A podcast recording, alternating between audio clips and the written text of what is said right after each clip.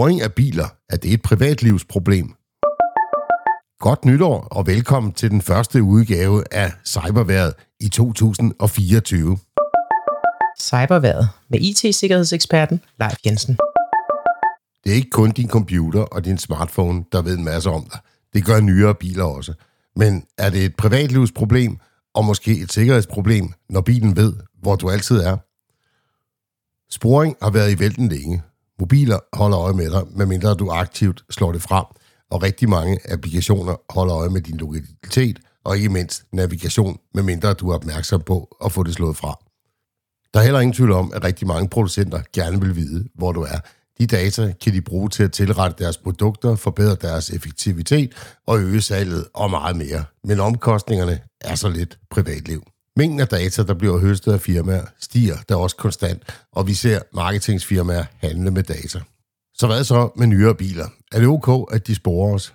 Mange nye biler, såsom en Tesla, ved altid, hvor man befinder sig, og ikke alene kan alle, du vælger at dele adgang til din bil med, for eksempel andre medlemmer af husstanden, se, hvor du er, eller hvor bilen er, og det samme kan bilproducenterne.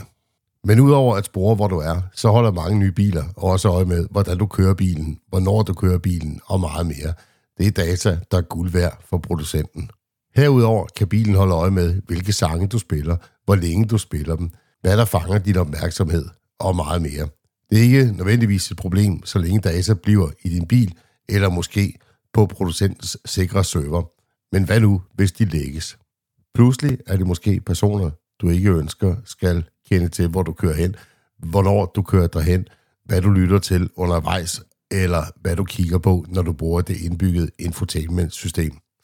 Avisen The Washington Post testede for nylig en bil og kunne under testen konstatere, at den genererede op mod 25 GB data i timen, hvilket indeholdt telefonopkald, kørestil og meget mere. Alle data blev forresten sendt videre til producenten.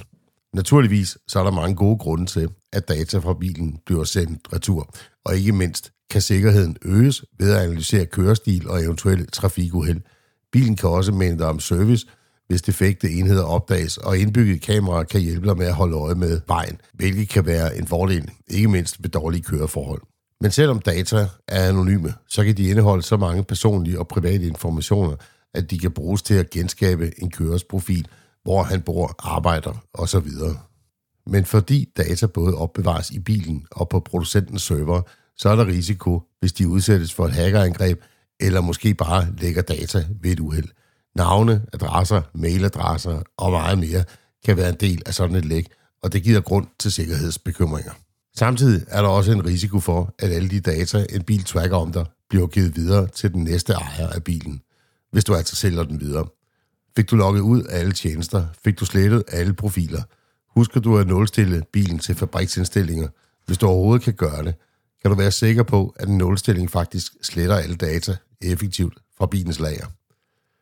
Der er ingen tvivl om, at nyere biler sporer dig og alt, du gør i bilen, og det er et potentielt privatlivsproblem, og du skal være meget opmærksom på, hvad du fortæller bilen om dig selv. Som minimum bør du sikre dig så godt du kan, at producenten krypterer alle data og ikke sælger dem videre til andre. Datalæk kan du desværre ikke rigtig sikre dig imod.